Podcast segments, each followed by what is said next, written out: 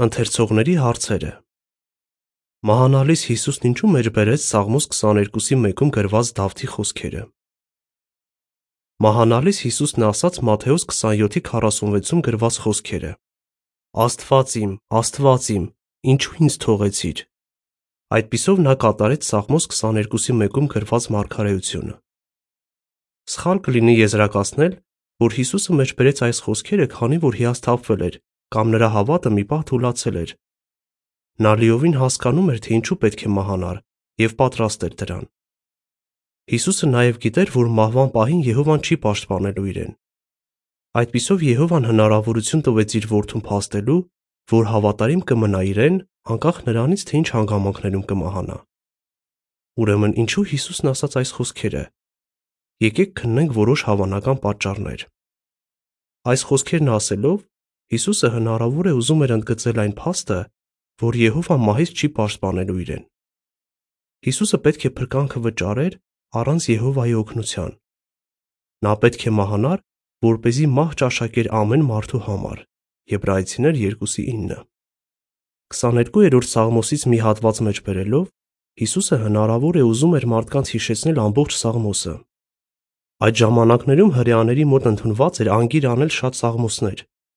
ուստի մարդիկ մի միտք լսելով ինքնաբերաբար կհիշեին ամբողջ Սաղմոսը։ Եթե դա այդպես է, ապա հավանաբար Հիսուսը հрья աշակերտներին հիշեցրեց իր մահվան մասին այն մարգարեությունները, որոնք գրված էին այդ Սաղմոսում։ Նրանք նաև կարող էին հիշել 22-րդ Սաղմոսի վերջին հատվածը, որտեղ նկարագրվում է Եհովայի թակավորության փառահեղ հաղթանակը եւ այն, որ նա իշխելու է ողջ երկրի վրա։ Դավթի խոսքերը մեջ բերելով Հիսուսը հավանաբար ուզում էր ընդգծել իր անմեղ լինելը։ Մահվան մատնելուց առաջ Հիսուսին անարդար դատավարության արդյունքում մեղավոր էին ճանաչել Աստծուն հայհոյելու մեջ։ Սինեդրոնը հապշտապ հավաքվել էր եւ ուշ գիշերով անօրինական դատավարություն անցկացրել։ Այս հռետորական հարցը տալով Հիսուսը գուցե ուզում էր ուշադրություն հրավիրել այն բանի վրա, որ ինքը մահվան արժանի ոչինչ չէր արել։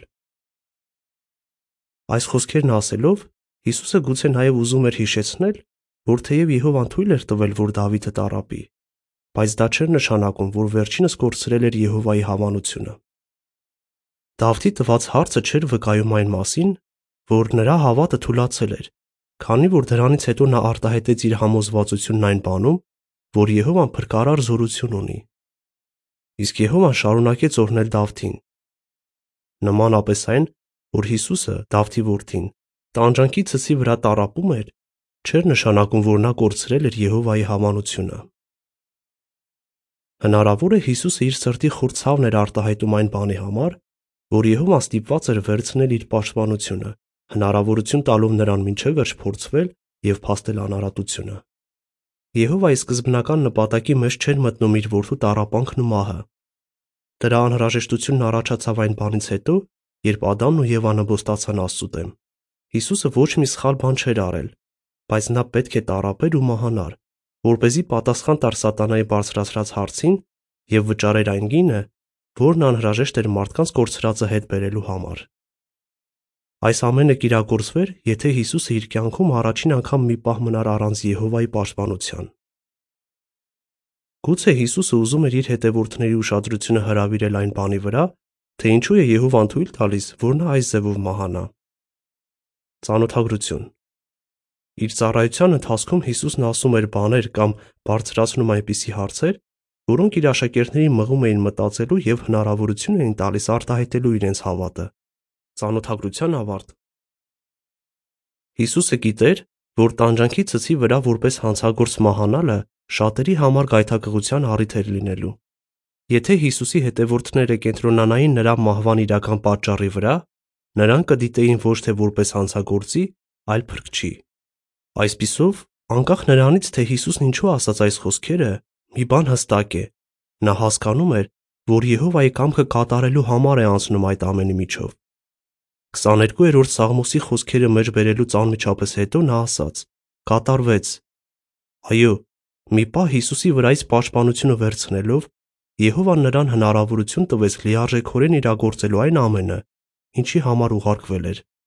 Դա նաև հնարավորություն տվեց Հիսուսին կատարելու այն, ինչ իր մասին գրված էր Մովսեսի օրենքում, Մարգարեների գրվածքներում եւ Սաղմոսներում։ Ղուկաս 24:44։ Հոդվացի ավարտ։